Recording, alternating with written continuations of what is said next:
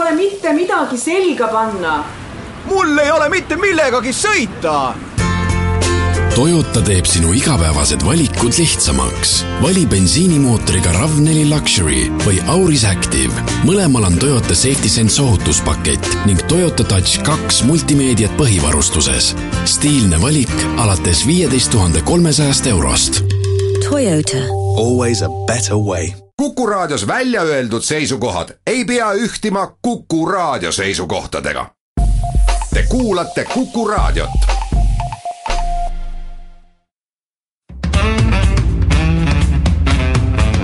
Muuli ja Riikoja. Tere päevast, head kuulajad, kell on kohe seitse minutit üle kella üheteistkümne, et on reedene päev, siis taas saate Muuli ja Riikoja aeg, stuudios on Kalle Muuli ja Indrek Riikoja. tere päevast! alustame täna ja kõige pikemalt räägime värskelt kinnituse saanud äh, RES-ist, nagu poliitikud ütlevad, ehk siis ri-, riigi eelarvestrateegiast järgmiseks neljaks aastaks, aga eks fookus selles on sellel, milliseks kujuneb eelarve järgmisele, kahe tuhande kaheksateistkümnendal aastal. Äh, teine teema on Tallinna Linnateater, kus on puhkenud konflikt ühe näitleja ja, ja pealavastaja Ilmo Nüganeni vahel ja lõppenud vähemalt praegusel hetkel sellega, et näitleja on äh, lahkunud teatrist või lahkumas. nimetame siis näitleja nime ka ära. Erik Kalmit. just. Sellel nädalal väga tuliselt on igal pool arutatud selle üle, kes on hea ema ja keda võiks nimetada aasta emaks, eks pisut räägime meiegi siis sellel teemal. ja neljandaks LHV noh, võib-olla Eesti oludes tavapäratu investeering pensionirahale leiti siis Äh, tulevasele pensionirahale leiti siis rakendus sel teel, et äh, anti laenu äh, kohalikule lennufirmale Nordicale kahe lennuki ostmiseks. Kirgi on kütnud sellel nädalal ka või õigupoolest viimastel päevadel uudis, et Tallinna linnavalitsus teeb ettepaneku anda linnateenete märk sellisele mehele nagu Aleksei Semjonov, enamus eestlastele ei ütle tema nimi mitte midagi, tema on MTÜ Inimõiguste Teabekeskuse juht ja nii-öelda kaitsepolitsei aastaraamatu staažikas kunde, kuna kapo kahtlustab teda või on viidanud, et tema Venemaa rahade eest esindab siin Venemaa huve. ja varsti Tallinna teenetemärgi ja, ja, ja suure auosaline. muuli ja Riikoja. Kalle täna siia toimetusse tuli siis Riigikogu liikmena, valitsusliikmena või valitsus, valitsuskoalitsiooni liikmena oli selline rahulolevam moega tea, kas see oli tingitud sellest, et eh, riigi eelarvestrateegia sai kinnitatud või mitte, need äh, emotsioonid, mis avalikkus lõkkele on löönud pärast nüüd seda RES-i kinnitamist, siis üleeile õhtul, kui ma ei eksi, oli kolmapäeva õhtu ju, on, on väga kahetised, ühest küljest nii-öelda valitsuskoalitsiooni liikmed ütlevad, et suur asi on ära tehtud, Eesti elu on liikuma pandud, lõpuks on leitud raha kohtadesse, kuhu kuhu raha on ammu juba vaja olnud, aga Reformierakonna juhitud valitsused sinna raha ei paigutanud, teised heidavad äh, valitsusele ilmselgelt ette seda, et planeeritud on küll hulgaliselt kulutusi, jätkuvalt on tegelikult äh, teadmata ja ega ka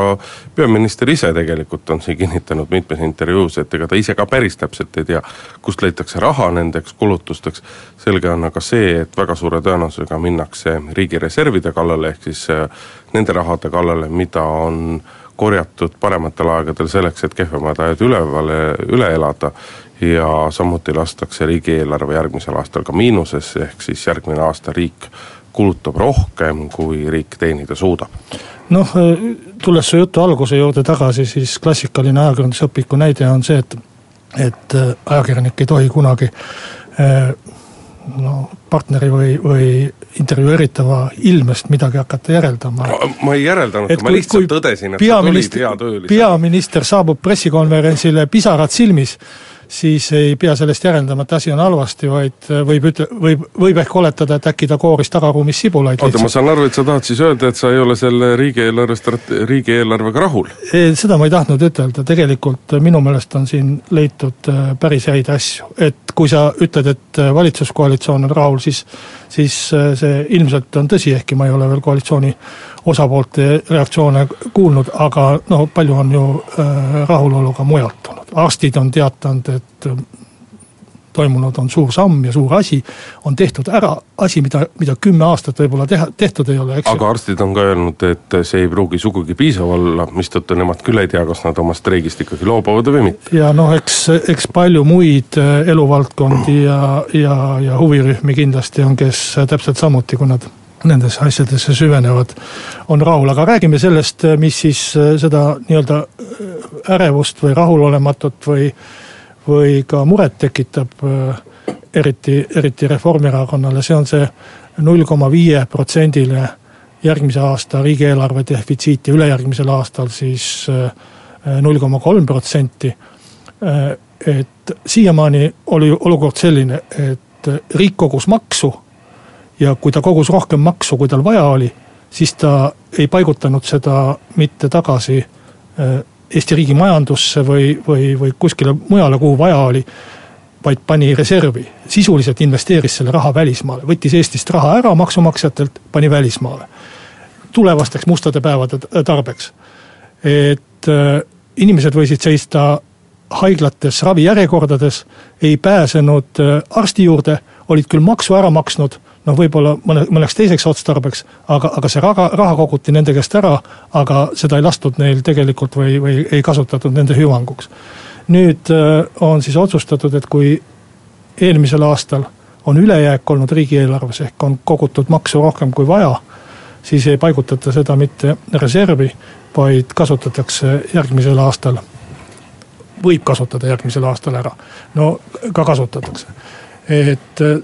siin on omad ohud. minu meelest äh, oht on selles, et kuidas pärast sellest välja tulla, et praegu on planeeritud, et aastal kaks tuhat kakskümmend üks äh, peaks olema äh, asi jälle sile ja klaar. et ei, ei mingit miinust. aga, aga kuidas sellest, seda olukorda tekitada, mina näen ainsa lahendusena seda, et Eesti saavutab nende investeeringute abil, mis praegu tehakse ja, ja selle poole protsendi kulutamise abil äh, palju suurema majanduskasvu ja, ja majanduskasvust tuleb riigieelarvesse palju rohkem raha sisse, kui tegelikult see pool protsenti on, mis sisse pannakse. et äh, see põhiraha, kui, kui küsiti see kuulus küsimus, et kustkohast raha tuleb ja peaminister vastas, et riigieelarvest, mis tegi kõigile palju nalja, aga, aga oli vormiliselt tõsi, siis tegelikult suur osa sellest rahast on planeeritud majanduskasvust, majanduse elavnemisest ja, ja kõik märgid ja seda prognoose ei tee poliitikud, prognoose teevad ikkagi äh, vastava ala asjatundjad, et kõik need prognoosijad, kes on oma ala spetsialistid praegu näevad ikkagi seda, et äh, majandus hakkab kasvama kiiremini, kui ta praegu on. anna mulle andeks, Kalle, aga ma olen sinu jutust ikka täiesti jahmunud praegu ja ma olen sellest, sa, sa esitled, äh, sa, sa räägid umbes niimoodi, nagu siiamaani valitsus siis, kui riik teenis rohkem, kui ta kulutada oli plaaninud, siis ta mitte ei edendanud riigi Eesti riigi majandust, vaid ta suunas selle raha välismaale ja edendas hoopis välismaa, välismaa majandust, et riigi reservide mõte on selles ja me oleme seda näinud viimase paarikümne aasta jooksul korduvalt, et riigireservide mõte on selles, et me kogume raha selle jaoks, et eh, siis, kui meil on raske, me ei peaks me meeletut kulusid kokku hoidma, vaid me saaksime seda raha siis kasutada. see on olnud riigireservide mõte. Eesti riigil ei ole praegu kohutavalt rasked ajad, et me peaksime kulutama seda raha, mis me oleme varem nii-öelda raskemateks aegadeks tallele pannud valitsus on lennanud riigieelarvele peale mõttega justkui minu arust selles käitumises peegeldub mõte, et, et ei usuta, et ollakse võimul kauem kui, kui kas selle sügiseni või no mitte kauem kui järgmise, järgmiste Riigikogu valimisteni. ja üritatakse nüüd kõik ära teha, mis vähegi on võimalik teha. oleme siiski ausad, lõviosa sellest rahast, mis, mis nii-öelda täiendavalt kulutakse, see ei lähe ju mitte Eesti majanduse edendamisse ja Eesti konkurentsi, Eesti ettevõtluse konkurentsi kasvatamisse, vaid see läheb äh, inimeste ravimisse. see läheb inimeste ravimisse, aga eelkõige läheb see raha ju sellesse kurikuulsasse viiesaja eurosesse tulumaksuvaba miinimumi, millel loomulikult jah, tõesti on oma nii-öelda majandust kasvatav, majandust kasvatav meede, sellepärast et suur osa sellest rahast suunatakse edasi inimeste käest otse tarbimisse, aga see ei ole jätkusuutlik majanduse edendamine ega majanduse arendamine, see ei ole see, mida riigilt ja valitsuselt oodatakse, see, need on sellised ühekordsed meetmed, et et oleme siiski ausad, nimetame asjade, asju õigete nimedega, valitsus tahab meeletult kiiresti, meeletult palju asju ära teha ja teeb seda tõesti vahendeid valimata. see on täpselt sama hea, kui mina või sina läheksime praegu panka ja võtaksime laenu ja võtaksime laenu mitte selle jaoks, et me tahaks kuhugile investeerida ja tulevikus oma elujärge tahaksime näiteks oma eluaset parandada või midagi, me läheme panka selle jaoks, et võtta laenu ja osta selle laenu eest endale igapäevast süüa, sööki, see on see, mida valitsus teeb. ja see on see, mida valitsusele ette heidetakse. et küsimus ei ole selles, et, et et valitsus mõtleks praegu tohutult äh, selle peale, kuidas Eesti tulevikus hakkama saab, no ei ole ju niimoodi. Indrek, sul on õigus ja sul ei ole ka õigus Äh, õigus on selles, et riigil peavad reservid olema. ja keegi ei ole jah, aga praegune valitsus läheb neid reserve kohe maha saagima, esimese asjana. rahune maha, vaata numbreid. keegi ei kavatse reserve ära, ära hävitada. jutt käib sellest, et reserve enam ei kasvatata. suuremaks ei kasvatata, mitte ei hävitata ära. et kui tänavu aasta näiteks tuleb ülekulu või üle, ületulu, saame rohkem tulu, siis selle tulu, seda me enam reservi ei pane saad sa aru, mitte et me võtame sealt kuskilt reservi põhjani ja, ja, ja lähme miinusesse. Eesti laenukoormus on praegu küm-, kümme miljonit eurot või, või mingid, mingid, mingid sinna, sinnakanti või kümne, kümme protsenti, vabandust, SKP-st. et, et see on ju järgmisest Euroopa riigist mingisugune neli korda väiksem laenukoormus, et meil ei ole tegelikult mingisugust reaalset väga suurt ohtu ega hirmu. et ja, ja ei mõelda, ei, ei ole mõeldud ju ära hävitada reserve mõeldud on ära hävitada see või, või kulutada see raha, mis, mis konkreetsel aastal kogutakse järgmisel aastal. et, et järgmisel aastal võib siis minna nii palju miinusesse, kui, kui sel aastal plussi, plussi tuleb. et see on mõte, ei ole mõte nagu selles, et, et kõik reservid pannakse nüüd mängu ja, ja, ja meil ei jää enam riigile mitte mingit varu. mõte on selles, et valitsus sa vaata, sa vaata, palju raha mõtle... riigil reservi jääb ka, ka selle null koma viie kõrvalt. mõte on selles, et valitsus ei mõtle enam mitte homse päeva peale, vaid mõtleb ainult sellele, milline on selle, milline on selle valitsuse poliitiline tulemus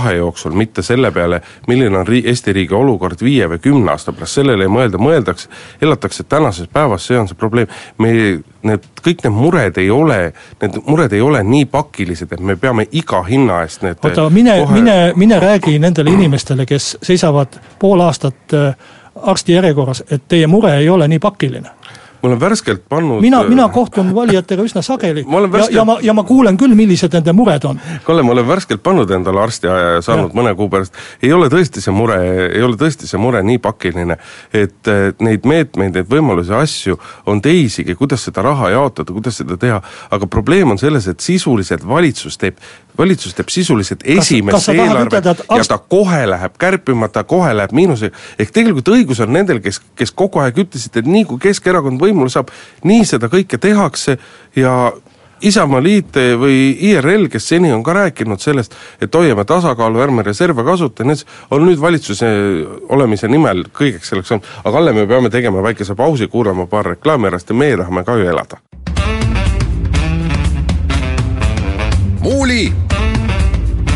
Ja Riikoja. Läheme oma saatega edasi, Kalle Muuli ja Hendrik Riikoja on stuudios, et ega me selles äh, ühel meelel sinuga, Kalle, kindlasti ei jõua, et, et, et kas valitsus käitub mõistlikult või kas ravida, ravida inimesi maksuraha eest või, või panna see maksuraha reservi? poliitilise demagoogia meistriklass, kallis Kalle. Äh, räägime pisut siiski sellest, et äh, mida siis õigupoolest Haigekassa juurde saab ja, ja ja mida selle eest teha, arstid on juba öelnud, et ühest küljest on see väga positiivne, et äh, täiendavat raha eraldatakse, täiendavat äh, raha leitakse, aga samas on nad ka rõhutanud seda, et see ei ole kindlasti mitte piisav ja nii-öelda oma streigi, streigist, millest me eelmisel nädalal ka rääkisime, et, et sellest nii-öelda päris loobunud nad veel ei ole. noh, sinu tõlgenduse järgi ju arstide streik oli täiesti ilmaasjata, sest midagi pakilist meil ei ole ju seal Haigekassas, eks ju, juhtumas. Äh, äh, nii sa vähemalt arvasid, aga tegelikult minu meelest nagu õige, õige on see, et raha sai juurde haigekassa, seda ma ütlesin juba eelmises saates, et minu meelest see vajadus on täiesti ilmselge. aga mis, mis mulle iseenesest ei meeldi, on see pensionitega seostamine, et ma nagu väga suurt loogikat seal ei näe, et kui pensionid suurenevad, et siis pensionärid jäävad kohe automaatselt haigemaks või et on vaja neid rohkem ravida, et ma pigem arvan, et kui pensionid suurenevad, siis pensionärid saavad sedajagu tervemaks, sest saavad paremat elujärge. aga, aga, aga noh, kuskil tuleb teha kompromisse, meil on koalitsioonivalitsus. et kui, kui kui sotsiaalministri või töö- ja tervishoiuministri ettepanek selline oli, ega siis teised ministrid ei saa minna mingisuguseid teistsuguseid lahendusi tema eest pakkuma. aga mis minu meelest tuleks edaspidi pikemas perspektiivis ette võtta, oleks ka ikkagi meie, meie haigekassa süsteemi sisuline reform, et praegu käib ju ikkagi nii, et lepitakse kokku mingid üldmahud, tehakse üldleping ja, ja sinu ainus selline eesmärk ongi saada maru hea leping ja maru suured mahud, aga on süsteeme, kuidas saaks panna siiski äh, haiglad konkureerima ka parema teenuse nimel ja, ja, ja suuremate patsiendi su,, suuremate patsientide hulkade nimel. ja muid selliseid asju, et ka si-, ka sisuline muutus toimuks. ja, ja selle arvelt äh, läheks asi veelgi efektiivsemaks. ja kindlasti peaks nagu riiklikul tasemel üle vaatama ka selle, et milliseid, milliseid teenuseid kus kohas pakutakse, see on see palju räägitud kurukuul, kurikuulus küsimus, et et kas kõigis valdkondades peab valitsema nii-öelda konkurents, et kõiki haigusi saab ravida väga mitmes kohas, võib-olla oleks mingisuguste haiguste puhul ikkagi siiski mõistlikum tekitada ühte või teise kohta kompetentsikeskused, et on need siis haiglad või kes iganes, kes omavahel kokku lepivad, kes millega tegeleb, et, et selles mõttes selles süsteemis kindlasti midagi teha on, meil ajaga on, on ennem pooltunni uudiseid väga napp, pisut võiks rääkida ka muidugi maksude poolest, sest et allikaid ju, kust nii-öelda täiendavat raha tuleb, on praegusel hetkel tegelikult noh, kaks, üks on see nii-öelda palju räägitud magusamaks või suhkrumaks või karastusjookide maks või või kuidas iganes seda nimetada ja, ja, ja, ja teine küsimus on siis nii-öelda pankadele kehtestatav avansiline tulumaks ehk. Äh, no mõlemast tuleb siiski nii vähe, et see on haigekassa jaoks äh, tühi asi. ei, absoluutselt ja ega peaminister ise ju tunnistas, et ega ta päris täpselt veel ei tea, kust kõik see raha kokku see on väga täpselt kirjas, see on sendi pealt kirjas, kust miski tuleb, et. aga miks peaminister sedasi ei ütle meile? Äh, ta, minu meelest tema väljend oli, et me ei kuluta ühtegi senti, mida pole olemas. jah, ja et kust raha tuleb, riigieelarvest, eks ole. et eelarves ongi väga täpselt kulud ja tulud kirjas. piim tuleb ka poest ju ju, eks ole, ja, ja riided eks ta maksudest tuleb ja, ja öö, kasvavad ju maksud ka selle arvelt, et palgad kasvavad, selle arvelt tuleb rohkem tulumaksu, sotsiaalmaksu ja muid asju. ma tahtsin selle pankade avansilise tulumaksu kohta öelda, et me siin ka ennem saadet sinuga rääkisime, sa, sa viitasid, et aga pangaliit ise pakkus ju välja, pangaliit ise pakkus ju välja ja tegelikult on see muidugi selles mõttes, olemuslikult on see totter, et välja on valitud nii-öelda üks majandusvaldkond, üks eluvaldkond, keda hakatakse tulumaksu mõistes kohtlema nagu sootus tee-, sootuks teistmoodi, et minu arust et kui valitsusel on nagu nii palju julgust äh, julgust, tugevust äh, rahvakeeli öeldes mune, et minna reservide kallale, et rast-, lasta kohe esimesel aastal äh, eelarve miinusesse, et aga võib-olla siis võiks olla valitsusel ka nii palju sisu, et et tehtaks siis see tulumaksusüsteem ettevõtetele ikkagi täiesti nagu ümber, et kehtestame siis kuueteistprotsendilise tulumaksu kõigile ettevõtetele näiteks,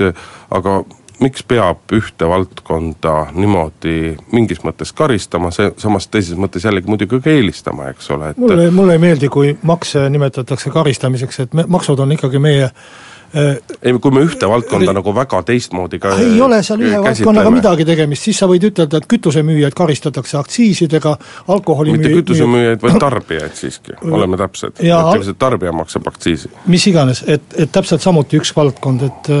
et maksustatakse seda,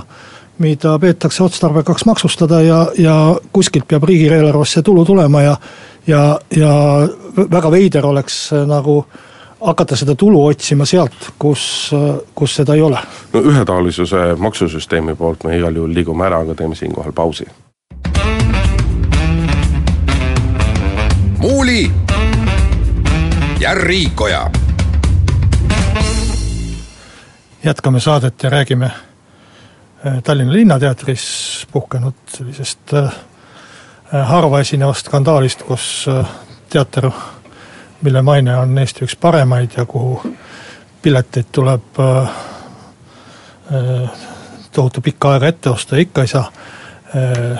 ja, ja mida, mida üldiselt on harjutud kiitma, paistis siis silma sellega, et üks tema töökamaid või, või koormatumaid näitlejaid, Hendrik Kalmet, läks Postimehesse ja kritiseeris seal noh, vaata et peaaegu et ennekuulmatu teravusega peanäitejuhti ja pealavastajat ja, ja teatritaset üldse süüdistades seda noh, loomingulise puu-, puudumises, loorberitel puhkamises ja ja muudes sellistes asjades ja tulemuseks on siis see, et Hendrik Kalmet on tänaseks andnud lahkumisavalduse ja ühise pressikonverentsi Elmo Nüganeniga, kus nad ühise pöördumise pressikonverentsiks on seda vast liialdus nimetada. Hea küll, aga teatades, et äh, mõlemal on siis väga kahju, et asjad on nii läinud, aga, aga nad on nii ikkagi läinud. noh, kogu sellel vaidlusel on, sellel on nagu kaks tahku, üks tahk on see nii-öelda Elmo Nüganeni kriitika, kriitika, vabandust, kriitika Elmo Nüganeni vastu, millega millega tuli siis Hendrik Almet vastu, et noh, mina ei ole kindlasti mitte nii suur äh, nii suur teatrispetsialist, et ma seda nüüd oskaksin hinnata või mitte, tuleb ausalt tunnistada, et ega Linnateatrisigi ei ole päris ammu nagu sattunud, sest pileteid sinna ju ei saa, eks ole. ja, ja isegi kui saaks, siis arvaks, et ei saa, eks ju. kusjuures mingitel aegadel Linnateater oli sellega vahepeal isegi hädas, et kõik arvasid, et nagunii pileteid ei ole, aga tegelikult oli küll ja ja Sini teater olnud nagu väga turundusega tegelenud, aga see väike vaheperiood jääb nüüd küll juba päris pikkade aastate taha mida võib kindlasti selle nagu skandaali puhul öelda, on see, et et noh, Linnateater seda kahtlemata näitas, et et ta, et ta ei ole nii, nii tolerantne kultuuriasutus, et seal nii-öelda avalik, avalikule ja valjuhäälsele kriitikale selles organisatsioonis ruumi on, sellepärast et äh,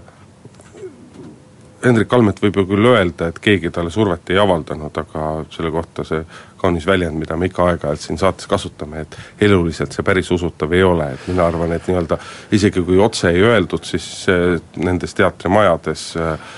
kindlasti nii-öelda seda, seda õhkkonda tunda oli. huvitavam küsimus nii-öelda teatri seisukohalt on see, et,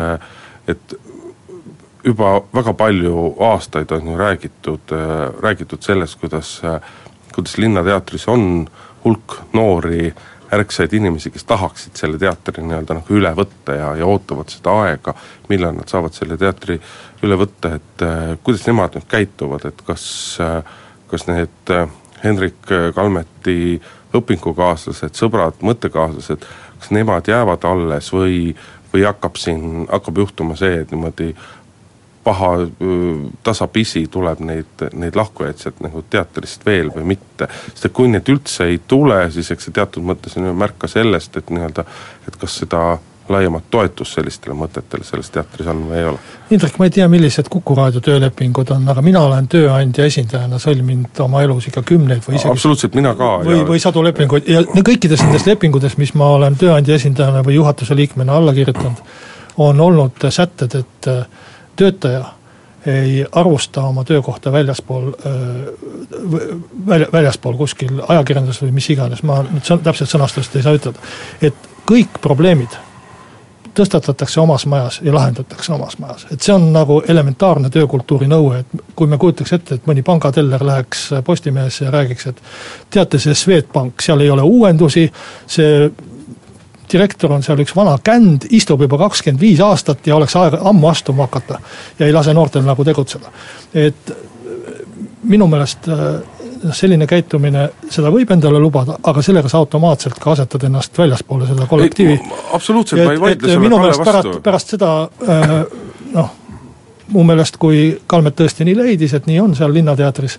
ja ma ei oska tõesti teatri äh, asju hinnata veel, veel enam ühe teatri siseseid asju. et äh, ju tal oli siis põhjust seda ütelda, aga siis on ka loomulik eeldada, et ma lähen sealt ära, et, et ma olengi väljaspool ja kritiseerin väljastpoolt, et selles mõttes no, on asjad minu meelest täiesti normaalselt läinud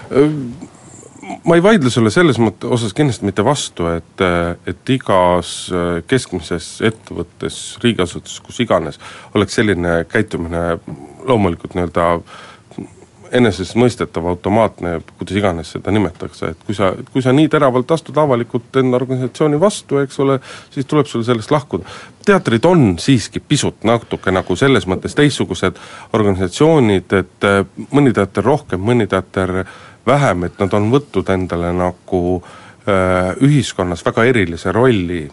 ja, ja, ja lubavad selle ühiskonna kritiseerimisel, näpuga näitamisel ja kõigel selles endale väga palju, noh, osad teatrid muidugi rohkem, teised, teised teatrid vähem, et selles mõttes ta nagu pisut äh, selline loominguline kollektiiv, pisut teistsugune äh,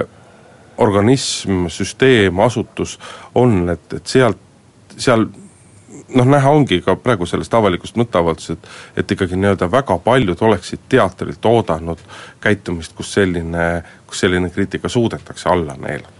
no. et, et seda ei suudetud alla neelata, ei ole imeks panna. ma olen sinuga päri, et teater on kindlasti oma käitumisreeglitelt ja, ja, ja suhtumiselt äh, või peaks olema vabam organisatsioon no, kui, kui, kui, selles, kas, kui Rootsi riigipank, eks ju. kas aga... kolleegidele tuli Kalmeti seisukohad äh, üllatusena või, ei tulnud üllatusena, nii palju kui teatri inimestega rääkida, siis siis seda on küll kõik isegi pooleldi avalikult kinnitanud, et ega teatris on sellest juba pikalt ja väga palju nagu räägitud. nojah, aga eks neid teatriasju asju ole ikkagi pandud äh, hindama ja pealavastaja tegevust ole pandud hindama loomenõukogu, kus muide, äh, mis on minu meelest Linnateatris, ma vaatasin, seitsmeliikmeline, kus enamuses ongi äh, loomeinimesed või, või, või loomingulised inimesed, et lisaks neile siis direktor ja ja pealavastaja ise, et, et tegelikult noh, peaks vaatama, mida see loomenõukogu siis on teinud ja, ja kuidas ta on suhtunud ja nii edasi. et minu arust on huvitav küsimus see, et, et, et vähemalt on nagu teema tõstatatud ja, ja, ja pandud see asi elama, et selles mõttes kindlasti peab Hendrik Kalmetit äh, tänama, aga, aga noh, ta pidi ka arvestama sellega, et sel juhul ta lahkub ametist. ei, absoluutselt, huvitav, huvitav on see, et,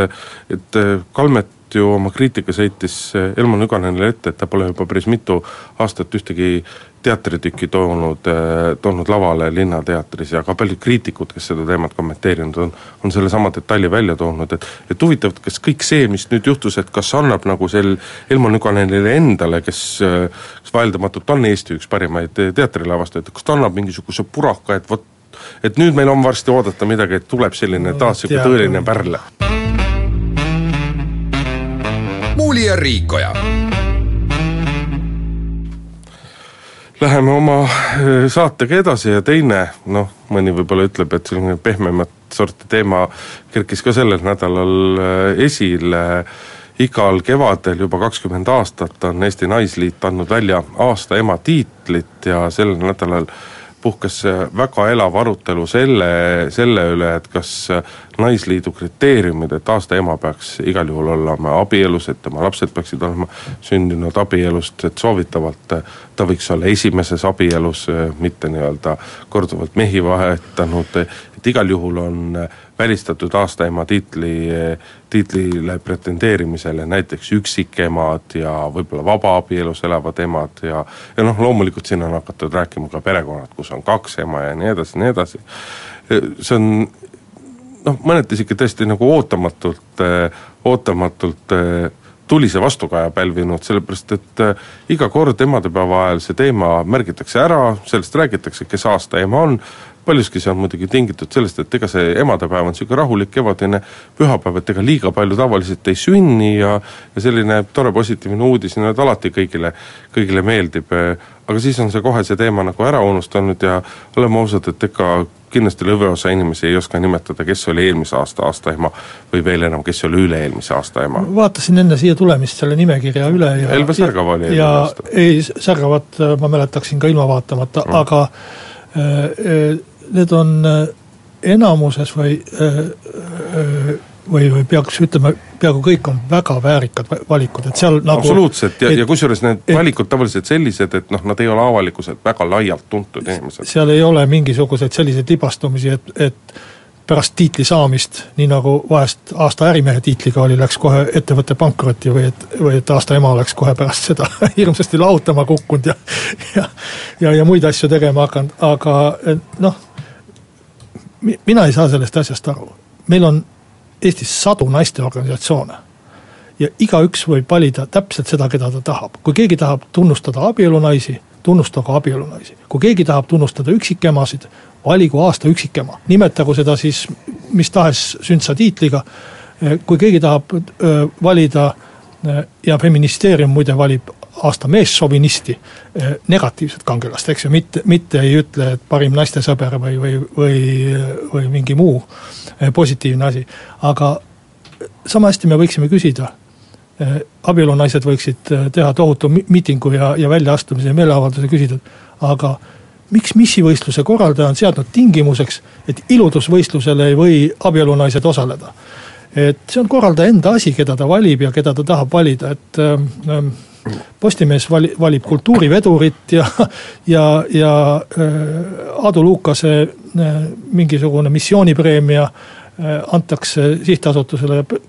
kodu ja perekonna kaitseks või mis iganes selle Varro Vooglaiu organisatsiooni nimi on. missioonipreemiat siiski see organisatsioon ei saanud, et ta sai ühe kuuest sellisest okay. tunnustuspreemiast. vabandust, et igaüks tunnustab seda, keda ta tahab, kui, kui Siim Kallas tahab tunnustada mm, mingeid teatritegelasi, siis ta asubki, asutabki selleks vastava fondi ja annab selleks raha. et äh, mina ei näe nagu äh, kuidagi põhjust kedagi äh, süüdistada selles, et ta seab oma kriteeriumid ja, ja valib iseenda nimel eh, noh, kedagi, kes talle meeldib või, või väärtustab neid asju just, mis talle meeldivad. et me võime siin Indrek ka hakata valima, ma ei tea, eh, aasta äh, Muuli ja Riikoja saate tegijat ja saame siis kordamööda selle preemia ja, ja, ja väga tore on kõik. mu meelest pole kellelgi põhjust selle kallal õiendada ja valime nende kriteeriumide järgi, mis me tahame. mis on nagu probleem, on see, et Eesti Naisliit on sellel valimisel üliedukas olnud. ta on teinud sellest sündmuse. no ikkagi riikliku sündmuse mis, ja, ja see on see, mis sellest asjast just, teeb nii-öelda erilise et ta on sündmuse. teinud sellise sündmu-, ta on nii, nii hästi seda korraldanud, et sellest on jäänud ühiskonnale ja avalikkusele mulje, justkui te oleks selle hõbesõle näol tegemist mingisuguse riikliku teenetemärgiga, mis antakse Estonia laval presidendi poolt üle äh, riigipühal või, või riiklikul tähtpäeval. aga vaata just nimelt, äh, aga selles ongi see asi, et selleks, äh, selleks on see, selleks on see ju saanud ja ja mida, millega mina ütleks selle peale, et tehku teised ka nii hästi. kui et... keegi tahab üksikemasid tunnustada, tunnustagu täpselt sama hästi ja vingelt ja me oleme kõik õnnelikud. ei no vot, sellega me ei jõua kuhugile, kui igaüks hakkab oma aasta ema valima näiteks. et, et selge see on, et, et aeg on kahekümne aastaga nagu väga palju, väga palju edasi läinud ja ja, ja noh, teisest küljest on ju jabur, et kui et kui nii-öelda aasta emale annab auhinda üle president, kes on ise ema, aga kes aasta ema nominendi tingimustele ei kvalifitseeruks no,. kuule, eelnevatel aastatel on andnud äh, meespresidendid, kes ka kindlasti ei kvalifitseeruks. seda küll, aga meespresidendid ei ole ka emad, eks ole. et, äh, et, et kindlasti võiks nüüd aega pisut kaasas käia ja et lõppude lõpuks peaks ju tunnustatud saama see ema, kes on väga hea ema. ja kas ta nüüd elab vabaabielus või elab ta nüüd abielus ja kas ta on ühe korra lahutatud või ei ole, see ei ole nagu sugugi ma ei jäta sulle viimast sõna ja ütlen ikkagi, et see on Naisliidu enda asi, keda ta tahab tunnustada. muuli ja Riikoja. jätkame saadet ühe eriskummalise laenutehinguga. miks küll eriskummalise? no vist ei ole Eestis enne paigutatud pensionifondi rahasid äh, nii-öelda lennukitesse ehk antud laenu siis lennukite ostmiseks, et, et eh, või võiks ju kujutada ette sellist pilti eh, põgusa muigega, et, et kujutad ette, kui, kui lennuk alla kukub kogemata, selliseid asju juhtub. suur õnnetus, siis hävib pool sellest pensionirahast, mis nendesse on paigutatud, aga noh, see on selline pastakast imetud konstruktsioon, tegelikult ma arvan, et et äh, LHV paigutus on, on igati selline noh, tunnustust vääriv või, või äh, sündmus, mida võiks eeskujuks seada, et äh, kuidas üks pank või pensionifond on otsinud investeeringut, mis, mis oleks kodumaine ja mis, mis noh teeniks ka mingit propaganda eesmärki ja samal ajal minu meelest ei sea küll põrmugi ohtu nende inimeste raha, kes on sinna pensionifondi oma raha pannud ja ma kahtlustan, et võib-olla mu enda raha on ka seal.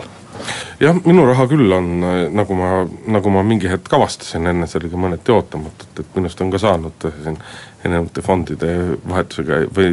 fondide omanike vahetuste käigus on minust saanud LHV klient minu, mulle meeldib see uudis eelkõige nagu selles mõttes, et ühest küljest jah, tõenäoliselt äh, härra Viisemannil on õigus, kui ta ütleb, et see on suhteliselt riskivaba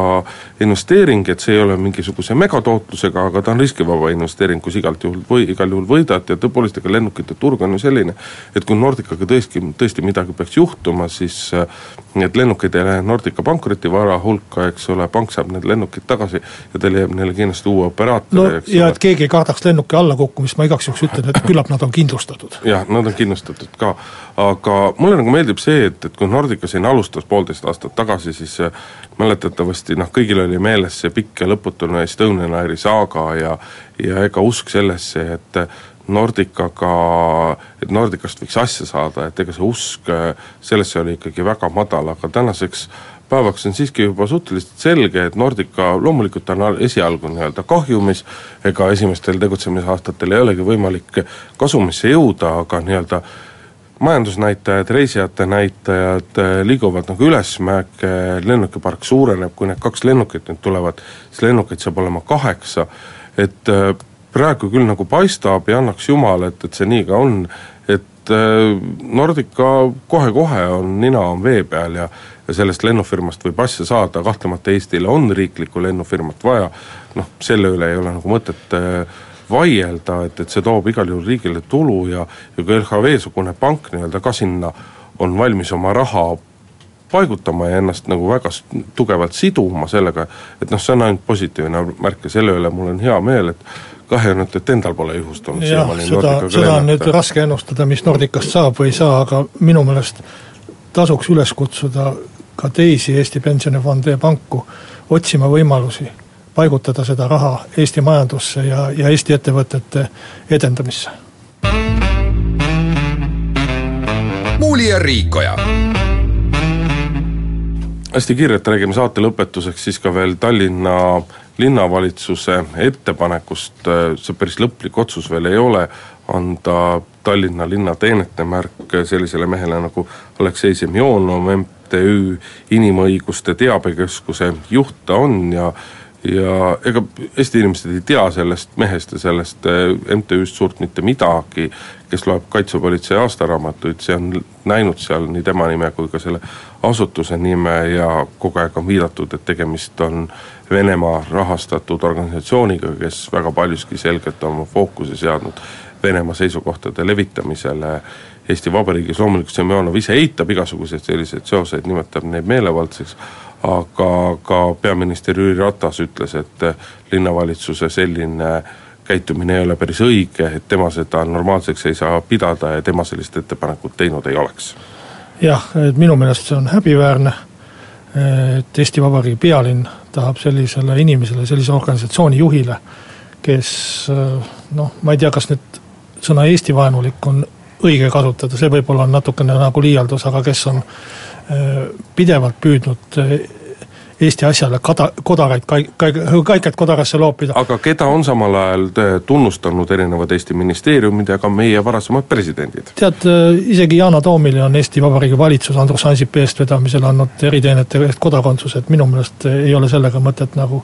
nagu lüüa, igatahes see ei tähenda, et me peaksime ka edaspidi neid inimesi ja selliseid inimesi äh, tunnustama ja ja eks nende käitumine võib olla muutunud vahepeal ka hullemaks. eks see on märk sellest, et Keskerakond ikkagi jätkuvalt väga selgelt ajab nii-öelda kahte poliitikat, ühte eestlastele, teiste see on märk sellest, et venelastele, aga me peame Kalle tänase saate Tallinna linnarahvas peab valima endale mõistlikud valitsejad. aga kuuleme nädala pärast. muuli ja Riikoja